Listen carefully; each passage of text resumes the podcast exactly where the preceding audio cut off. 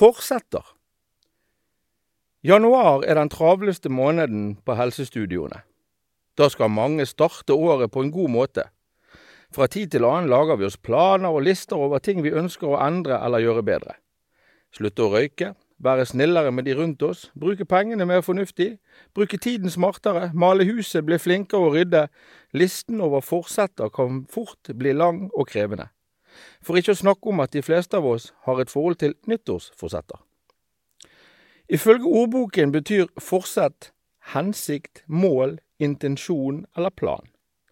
Et forsett er altså ikke et løfte.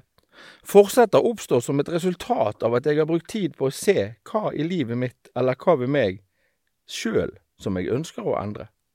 Forhåpentligvis vil disse endringene føre til at både min og de rundt meg sin hverdag forbedres.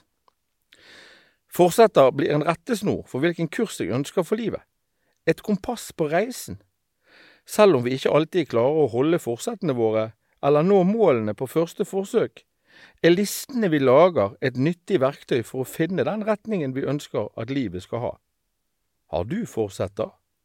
Om ikke, så utfordrer jeg deg herved til å sette opp minst tre forsetter på en lapp før neste episode kommer.